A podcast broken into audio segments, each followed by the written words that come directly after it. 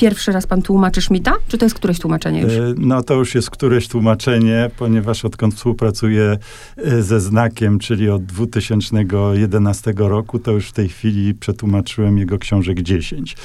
Dziesiąta ukaże się dopiero prawdopodobnie w lutym, czyli jeszcze następna e, po tej, czyli tych książek rzeczywiście, rzeczywiście było sporo już w tej chwili. A zna pan osobiście pana Schmidta? Mogę powiedzieć, że nie znam, aczkolwiek omal do takiej znajomości nie doszło, ponieważ w zeszłym roku Eryk Emanuel Schmidt był gościem honorowym y, targów krakowskich, a równocześnie był y, jurorem y, w komisji, studenckiej komisji nagród Gonkurtów. Był zorganizowany obiad przed jego wystąpieniem, jego wykładem przy okazji festiwalu Konrada w Krakowie, a wcześniej podpisywał książki na targach. No ja byłem przy okazji właśnie, ponieważ tłumaczyłem jego poprzednią y, książkę. To była też promocja właśnie tej książki. Zostałem zaproszony na taki obiad z jego udziałem, ale ze względu na korki i może zmęczenie pana Szwita, autor nie dojechał na ten obiad i później miałem tylko okazję dosłownie przelotnie zam zamienić z nim kilka słów y, po jego wykładzie, kiedy ustawiła się ogromna kolejka czytelników z książkami do podpisu i tylko sobie uścisnęliśmy ręce i zamieniliśmy dosłownie grzecznościowe dwa słowa i na tym nasza znajomość się zakończyła zakończyła, można powiedzieć. No to y, pan Schmidt powinien być panu wdzięczny, bo robi pan dobrą robotę dla niego w naszym kraju.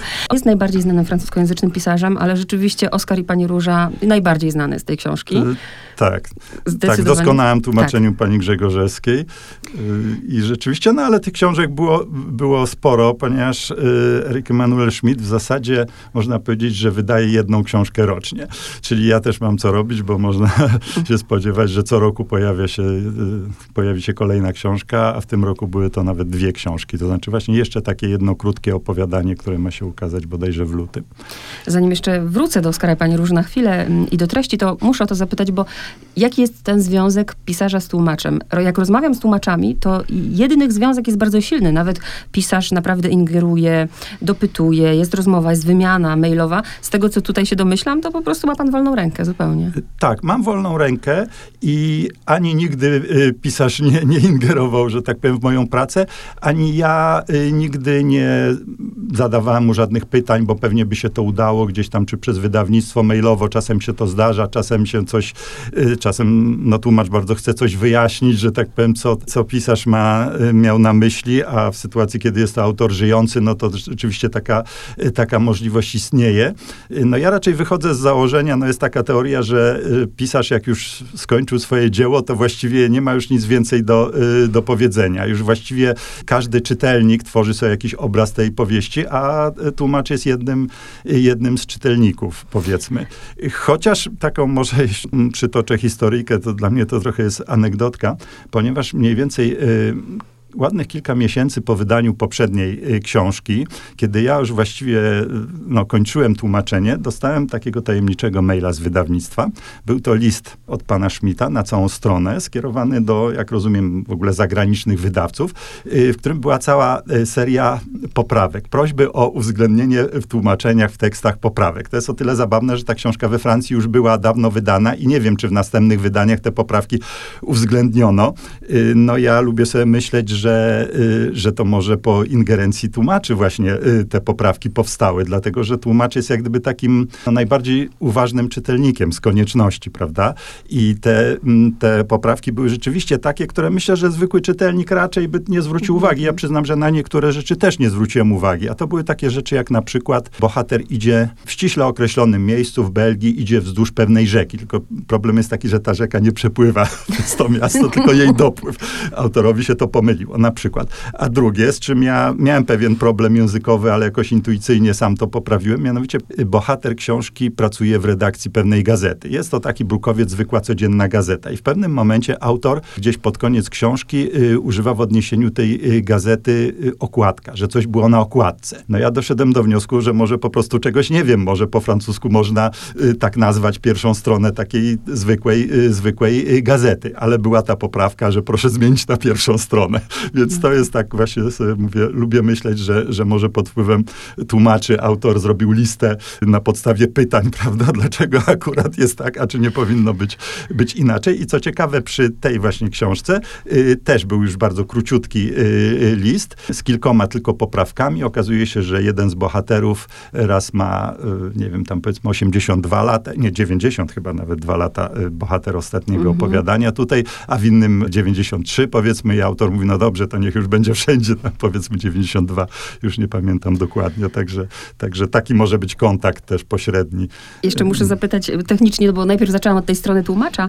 Jak tłumacz, bo to mnie też fascynuje. Pan powiedział, jest pan najbardziej uważnym czytelnikiem, no bo z takiej racji wiadomo zawodowej. Mhm. I teraz mnie zawsze zastanawia, jak tłumacz najpierw czyta oryginał, czy czytając książkę już pan kombinuje w głowie, o rany, jak to będę tłumaczył, czy umie się pan delektować jako czytelnik? E, wie pani co, to można powiedzieć, że i tak, i tak, a to z dwóch powodów.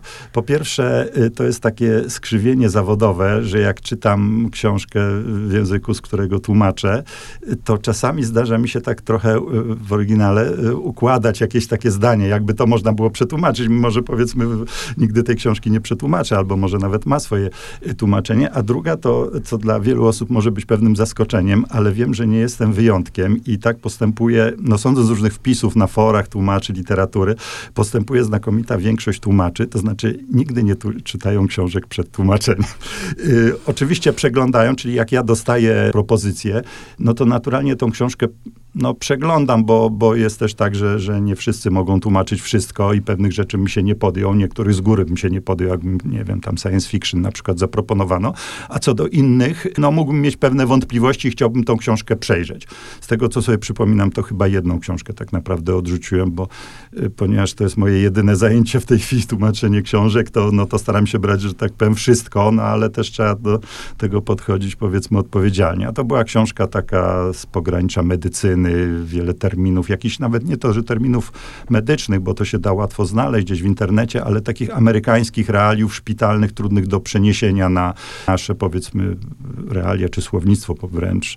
Y, także, że tu się nie zdecydowałem. No Szmita mogę powiedzieć, że w tej chwili już biorę w ciemno i wręcz zabiegam o, o to, żeby właśnie ja dostał kolejne tytuły i jedynym wyjątkiem chyba właśnie było to, że przeczytałem w całości chyba przed tłumaczeniem pierwszą książkę Szmita, jaką tłumaczyłem y, Kobieta w lustrze. No bo rzeczywiście chciałem się zorientować, czy rzeczywiście dam radę, ponieważ jestem przede wszystkim tłumaczem języka angielskiego i z francuskiego przetłumaczyłem znacznie, znacznie mniej książek i w zasadzie wszystkie, wszystkie y, Eryka Emanuela Schmidta.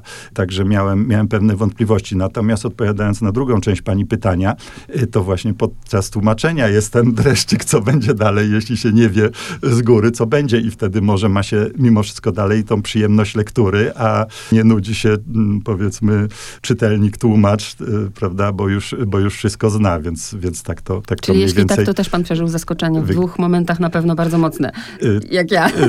tak, więc tutaj właśnie, właśnie w tej książce, ta książka jest pełna, pełna zaskoczeń pewnych i, i to jest chyba właśnie ta, też taka, taka przyjemność, co, co, będzie, co będzie dalej. I ostatnie takie pytanie a propos tłumaczenia, bo jak otworzyłam, wiedziałam, że będę rozmawiać z tłumaczem, to jak zaczęłam czytać tę książkę i, i widzę właśnie, nie ma tego dużo w tej książce, ale są takie momenty, czy z kotem, czy tutaj długie brukowane ulice zbiegały się po łagodnym stoku, aż do rzeki, a każda fasada wyglądała przez... A po glicynie zwieszały kaskadowo swe fioletowo-różowe lampiony i zawsze sobie myślę, że czy to są najtrudniejsze takie opisowe elementy do tłumaczenia? Tak, to są żeby... chyba najtrudniejsze i, i może też poniekąd najładniejsze takie, y, takie fragmenty Trzeba autora. On się trochę. lubuje właśnie w takich nieco poetyckich opisach, czy właśnie tak jak z Kotem, nawet trochę takich, takich humorystycznych i takich y, no ciekawych, myślę, dość niebanalnych spostrzeżeniach. Więc to jest rzeczywiście trudne, żeby to jakoś brzmiało. Może jeszcze trudniejsze są takie fragmenty, jak, y, no tutaj jest też taki moment, ale może, może nie aż tak trudny, muzyczne jakieś, prawda, opisy koncertów, bohaterów przeżywających w jakiś taki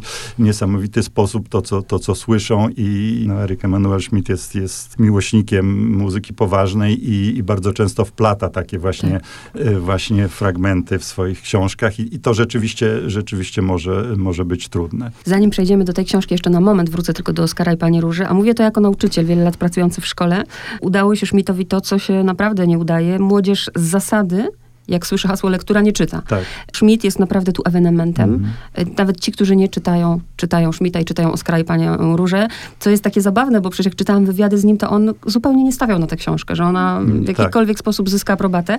I myślę sobie, że Schmidt, no pan chyba jest teraz tu specjalistą e, przy dziesięciu książkach, dotyka, bardzo często dotyka rzeczy bardzo trudnych, prawda? Tak, tak. I to, to jest prawda. Dotyka rzeczy trudnych i też w sposób y, nieszablonowy, o czym przekonają się na pewno czytelnicy jego najnowszej książki, dlatego, że, że jest to podejście do, do rzeczy, powiedzmy tutaj kwestii przebaczenia w sposób taki właśnie nieszablonowy i bardzo różny w każdym z tych czterech opowiadań. I teraz już właśnie pana głosem chcę powiedzieć. Ktoś, y, ostatnio właśnie wchodzę do księgarni mnóstw Erika Schmidta, właśnie tej książki i ktoś, kto no nie czyta, bo są tacy, którzy nie mhm. czytają, pomyślą sobie y, powieść. Czym jest ta książka, powiedzmy? Właśnie, tutaj należy się sprostowanie, dlatego, że i poniekąd okładka, i opis, jaki można znaleźć na stronie y, może sugerować, że to jest powieść. Tymczasem jest to zbiór czterech opowiadań.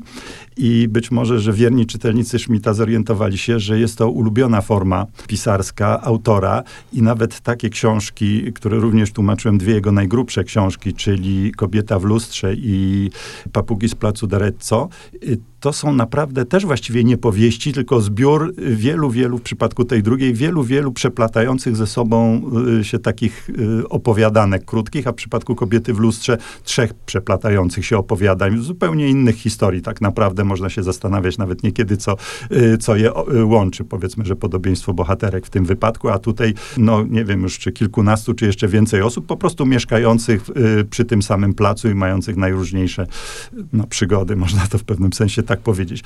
I tutaj też nie jest to, y, nie jest to wyjątek, ponieważ nie jest to powieść, tylko są to cztery opowiadania. Zaraz my o każdym będziemy musieli, musieli tak mówić, żeby oczywiście nie zdradzić za nie dużo zdradzić, o tych opowiadaniach, tak. ale coś tam powiemy. Jedno jest y, pewne, że tytuł całości zyskuje tak naprawdę jedno opowiadanie w środku, które ma taki tytuł, tak. ale tak naprawdę ta zemsta i przebaczenie jest motywem wszystkich opowiadań. Y, tak, zemsta i przebaczenie to jest, a głównie można powiedzieć bardziej nawet przebaczenie niż zemsta, jest, jest po prostu tematem tych opowiadań, które w zasadzie no, bardzo, bardzo różnią się od siebie. Nie mają naprawdę nic ze sobą wspólnego, jeśli chodzi o treść. Jeśli chodzi o okładkę i to opisy, to one dotyczą y, pierwszego opowiadania, które nosi tytuł Siostry Barbara. Natomiast Zemsta i Przebaczenie jest to y, trzecie opowiadanie, które nadało tytuł całemu temu zbiorkowi. Wydaje mi się nawet, że, że jest najbardziej interesujące, w każdym razie pod takim względem psychologicznym. Tak. Powiedzmy, że przed tym naszym spotkaniem dzisiejszym posłuchałem sobie kilku wywiadów z autorem, który bardzo lubi opowiadać o swoich książkach,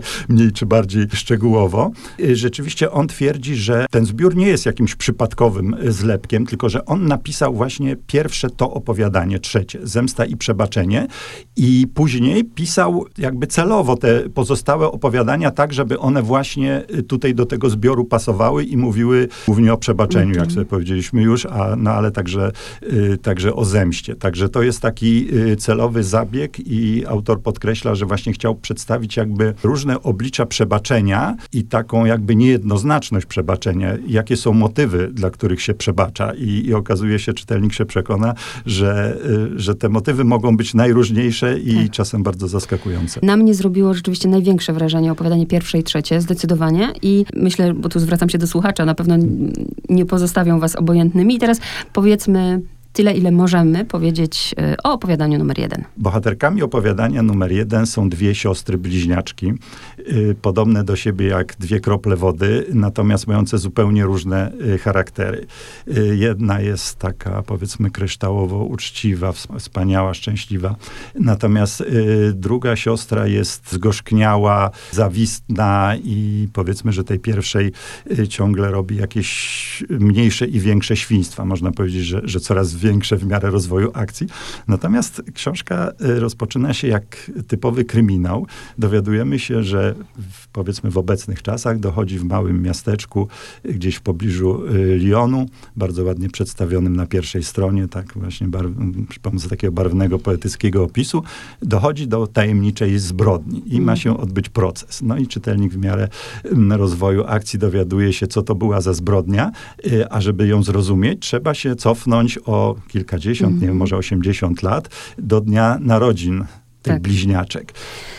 Więcej myślę nie mówmy, tak, aczkolwiek to chyba mogę powiedzieć, bo ktoś może przeczytać to opowiadanie właśnie typowo jak opowiadanie kryminalne, mhm. zaskoczeniem, co mnie ujęło, bo na początku też taką złość poczułam typową do tej, do tej drugiej siostry, ale to chyba, nie mogę powiedzieć, ten moment, kiedy matka nie wie, że urodzi się drugie dziecko, prawda? Tak. To jest mhm. zaskoczenie. Ona się pół godziny później rodzi, to, czyli tak jakby była niechciana. I naprawdę... ona to czuje, tak. prawda? I się zawsze y, uważa za tą gorszą.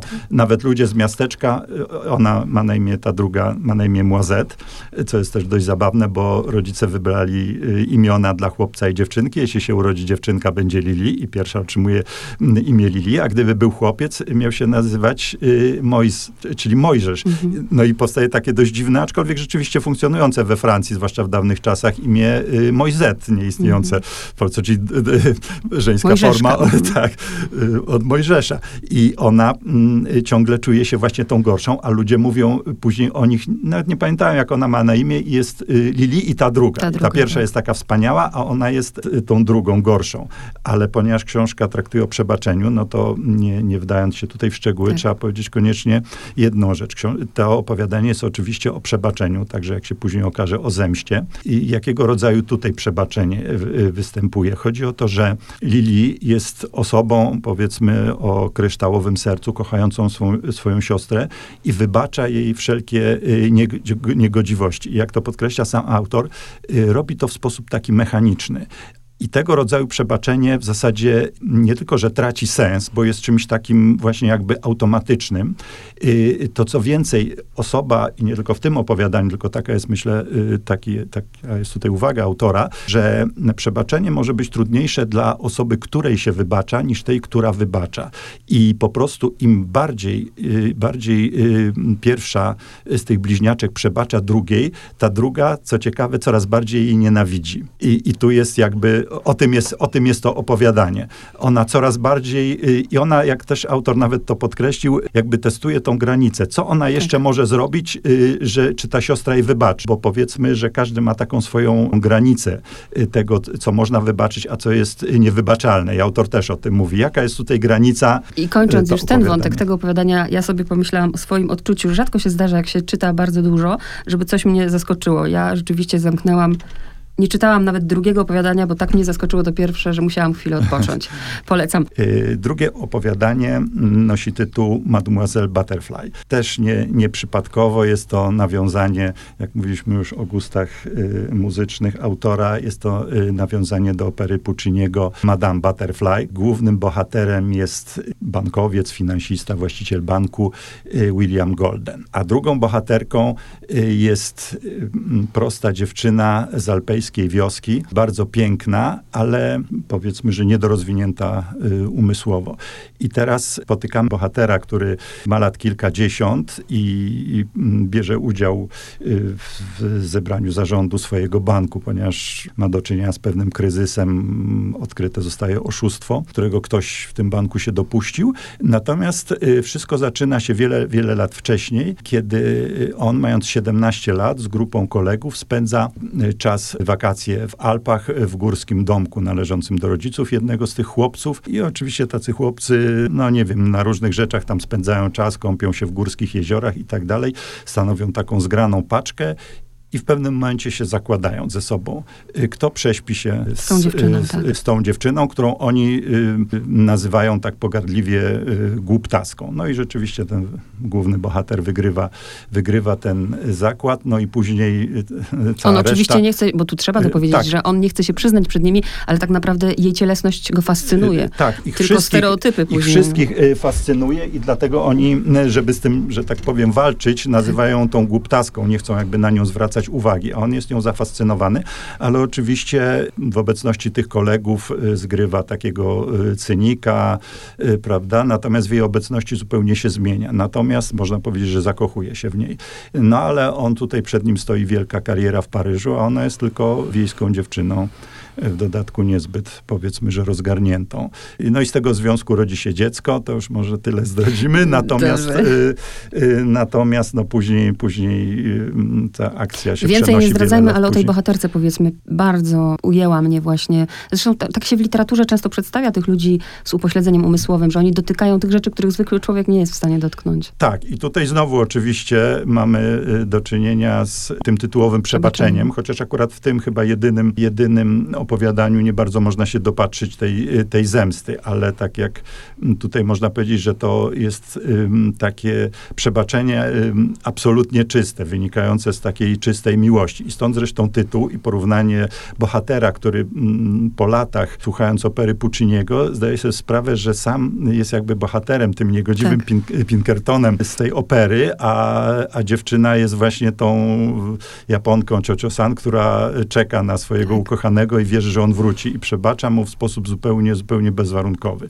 I teraz może pytanie jest takie, y, czego z tej całej historii mógł się ten y, bohater nauczyć? Czy może też będzie zdolny komuś wybaczyć? I myślę, że my, takie katarzis można, czego my jesteśmy też w stanie się nauczyć, nie? W, w Tak, kwestii oceniania we- innych ludzi innych też na ludzi, przykład. tak, tak. No i trzecie opowiadanie najbardziej mocne i też językowo bym powiedziała, bo ja nawet się zastanawiałam przez moment i muszę to też powiedzieć.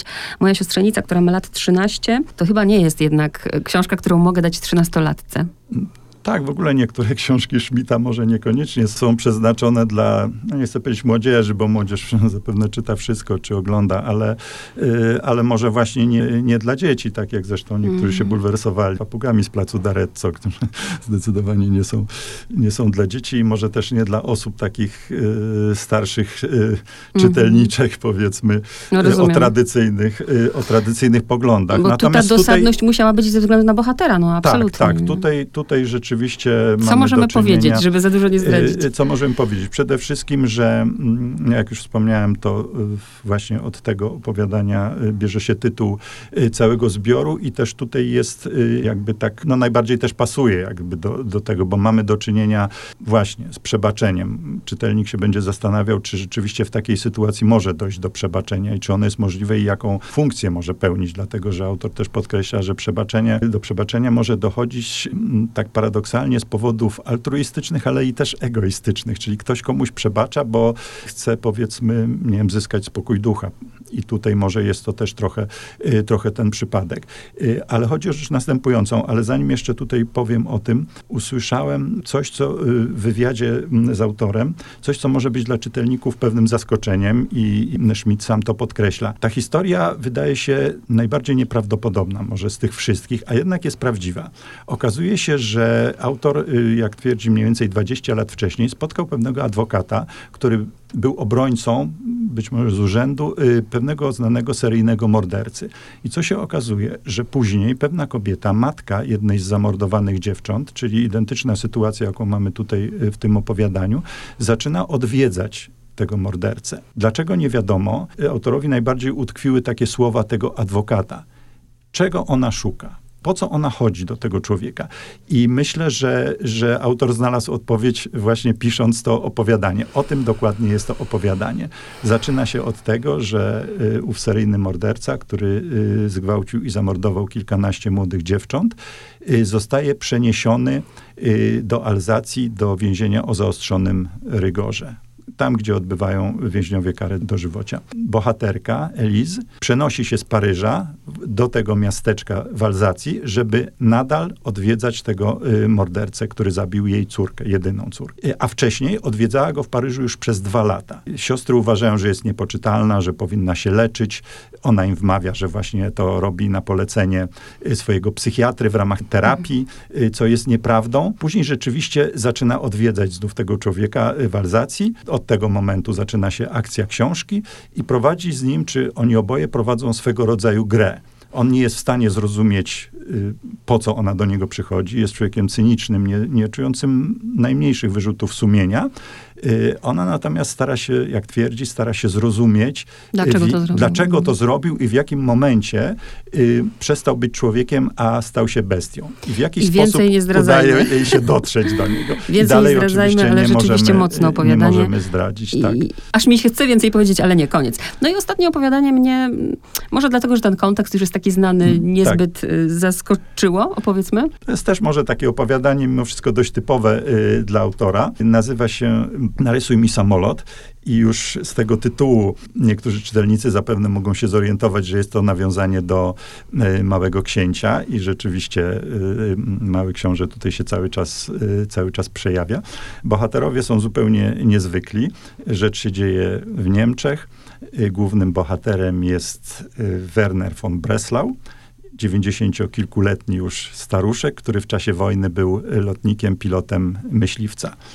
I pewnego dnia do jego ogrodu przez mur przekrada się mała, rezolutna dziewczynka Daphne. I ta para w zupełnie nieprawdopodobny sposób zaprzyjaźnia się ze sobą. A dziewczynka nie rozstaje się nigdy ze swoją ulubioną i jedyną książką, jaką czyta, Mały Książę. Od razu powiedzmy, żeby ludzie nie myśleli, że to jest wersja filmowa Małego Księcia, którą, która była nie, na ekranach. Nie, no, Zupełnie oczywiście historia. nie. Mhm. Y, dziewczynka zaskakuje głównego bohatera tą, tym tytułowym zdaniem narysuj mi samolot i później czytelnik no, już się przekona, co z tego, y, co z tego wyniknęło. Tu najbardziej ciekawa jest ta historia lotnika. Nie? Tak, Mhm. ale jest to historia, historia y, lotnika, dlatego że to jest człowiek, który w życiu nie przeczytał żadnej powieści, ale czytając Dafne tą książkę, zaczyna go fascynować. I sama książka, i, i postać autora. Książka dlatego, że m, tu jest taki podtekst, że tak jak w Małym Księciu, Mały Książę i Lis y, oswajają się nawzajem. I tutaj jest tak, że te, y, te osoby też, bohaterowie, oswajają się nawzajem. Natomiast y, autor jest tak zafascynowany postacią Saint-Exupéry'ego, że wybiera się do miejscowego klubu kultury na odczyt o autorze i ze zdumieniem odkrywa coraz większe, y, coraz większe podobieństwa między nim a sobą. Czyli obaj byli zafascynowani lotnictwem, y, pilotowaniem samolotów, y, obaj mieli zamiłowanie do ogrodnictwa, bo on na stare lata już się zajmuje tylko swoim ogrodem, nie interesuje się swoimi dziećmi, wnukami i tak dalej. No i teraz odkrywa pewną mroczną tajemnicę, orientuje się, że w czasie wojny popełnił pewną niewybaczalną zbrodnię.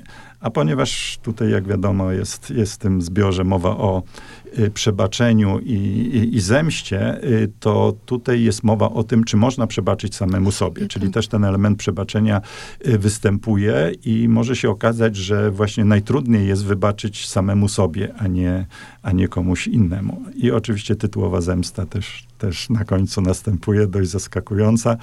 Y, Każde z tych opowiadań kończy się w sposób dość zaskakujący. Jak pan powiedzieć. opowiada o tym i tak obserwuję pana, to też mam poczucie, że pan się świetnie bawi, tłumacząc te książki. Tak. Bawi w takim sensie, że to pan, faktycznie pana fascynuje, interesuje. Tak, to nie? znaczy, ja powiem, y, przyznam się, że przed przetłumaczeniem pierwszej książki, kiedy mi ją zaproponowano, w ogóle nie znałem autora i dopiero zacząłem nadrabiać, przeczytałem kilka jego książek po polsku i po francusku, między innymi właśnie słynnego Oskara i Panią Różę i w jakiś tam sposób się wciągnąłem w to, ale muszę powiedzieć jedno, że ponieważ ja na co dzień tłumaczę mm, książki, y, rzadko dość tłumaczę powieści, y, natomiast tłumaczę książki, no te tak zwane popularnie y, non-fiki. I to są często książki y, naprawdę znakomite, bardzo ciekawe, jeśli chodzi o treść, ale bardzo często kiepsko napisane. Bo to są często czyjeś tam wspomnienia napisane z kimś do spółki, albo jakaś taka historia będąca troszkę zlepkiem różnych informacji, może nawet zaczerpniętych y, z internetu. Naprawdę bardzo ciekawe, natomiast, y, natomiast dość słabo napisane. I tutaj na tym tle tłumaczenie książek Eryka Emanuela Schmidta jest prawdziwą przyjemnością nie ma niczego do, y, do wygładzania. Tłumaczy się to znakomicie, mimo oczywiście pewnych takich trudności, choćby z tymi takimi poetyckimi y, wstawkami. I muszę powiedzieć, że mm, autor sam zwraca uwagę na mm, pewną taką melodyjność y, swojego języka. Twierdzi, że to ma związek z tym jego zamiłowaniem do muzyki klasycznej. Oczywiście każdy język ma swoją melodię i pewnie w tłumaczeniu trudno jest to oddać. Natomiast książki Schmidta, kiedy powiedzmy już po przetłumaczeniu czyta się te książki, y, swoje, swój przekład i nanosi poprawki raz, drugi czy nawet trzeci, są to jedyne książki, które czytam na głos. Nie- Ostatnie czytanie jest na głos i wtedy staram staram się jak gdyby, mm, żeby rzeczywiście te zdania miały taki swój rytm. Na ile się to udaje, to nie wiem, ale rzeczywiście czytanie na głos pozwala wychwycić takie pewne, pewne niuanse. I powiem jeszcze może taką anegdotkę, że ostatnio pewien znany tłumacz żalił się, że kiedy jego książka została przerobiona na odcinki, które są czytane w jednej z rozgłośni, to mm, doszedł do takiego wniosku, że właściwie książkę po powinien ktoś nagrać, ładnie czytając, a później tłumacz może w towarzystwie redaktora powinien jeszcze, jeszcze pewne poprawki nanosić. Tak. I być może coś, coś w tym jest, bo inaczej się czyta dla siebie po cichu, a inaczej się czyta na głos. To prawda. I na koniec powiem tak, święta się zbliżają, idealny prezent. Niektórzy czytają książki po to, żeby tylko odpocząć, a szczególnie pod choinkę, a to taka, żeby się zrelaksować. A ja uwielbiam, jak się książka kończy, a historia toczy się dalej w mojej głowie. I y, po przeczytaniu tej książki rzeczywiście jest mnóstwo refleksji, pytań, które człowiek sam sobie stawia. Tak, rzeczywiście. Jest to książka, która daje do myślenia i, i zostawia czytelnika z pewnymi takimi problemami rozwiązanymi lub, lub może nierozwiązanymi, bo, bo stawia pewne pytania właśnie chociażby o to, czy zawsze można przebaczać, czy jaka jest granica przebaczenia czegoś niewybaczalnego i jak podkreśla autor, że y, człowiek w pewnych sytuacjach, kiedy doznaje jakiejś krzywdy, staje przed takim wyborem. Może albo wybaczyć, albo się zemścić. Powiedzmy, że są jeszcze inne niuanse, może starać się zapomnieć i tak dalej, i tak dalej, no ale tutaj książka jest y, o tym i zapewne wielu z nas stawia sobie takie, takie pytania, co, co można zrobić w takiej sytuacji. I w swoim magazynie też rozmawiam z tłumaczami, bo chcę to podkreślić. Ja francuskiego nie umiem i bardzo panu dziękuję za tę książkę. Ja również dziękuję i nie wiem, czy mogę jeszcze powiedzieć dwa słowa tak, zupełnie tak, na zakończenie. Tak. Książka, która ukaże się na początku przyszłego roku, ma bardzo intrygujący tytuł. Nie wiem, czy dokładnie taki zostanie um, y, przez wydawnictwo przyjęty. Pani Pylińska i Tajemnica Chopina. I opowiada o, o Polsce i kończy się ostatnia scena, y, jest w Polsce na spotkaniu z polskimi czytelnikami. Czyli myślę, że się spotkamy w przyszłym roku. Dziękuję, Dziękuję. bardzo.